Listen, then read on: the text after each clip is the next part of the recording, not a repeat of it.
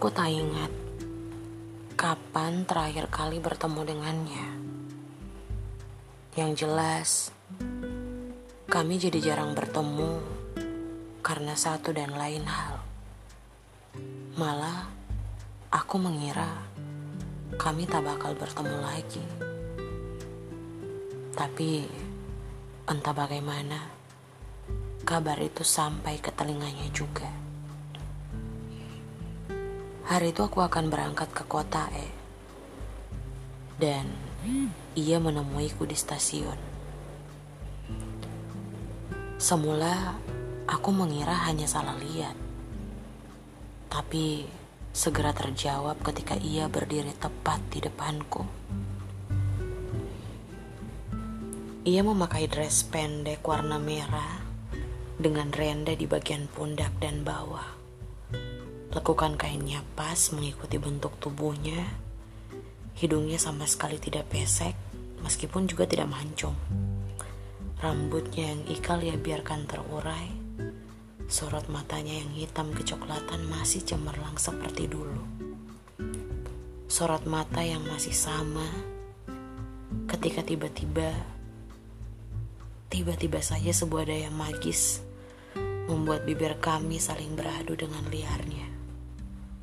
Semua orang memandangi kami seperti melihat dua monyet yang sedang memadu cinta.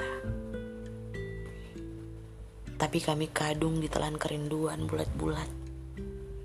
Di peron itu, kami tumpahkan hasrat yang sudah lama terpendam. Aku tahu, Julia masih mencintaiku. Aku pun masih mencintainya. Hanya kami sepasang kekasih yang dipisahkan takdir. Kau tahu, orang tuanya jadi tak suka padaku hanya karena pada suatu hari aku meninju kepala seorang lurah di kampung kami hingga tulang hidungnya patah. Itu dianggap kelakuan yang luar biasa kurang ajar. Meski bagiku, Wajar belaka ketika meninju kepala seorang lurah yang kelewat sering membohongi rakyatnya.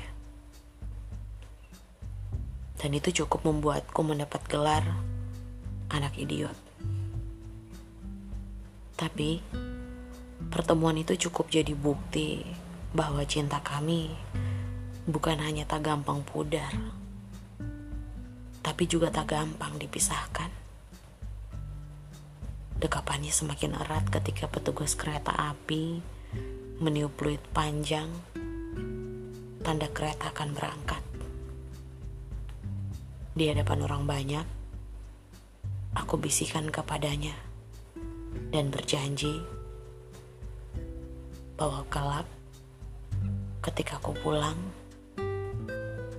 aku akan menikahinya dengan atau tanpa restu orang tuanya.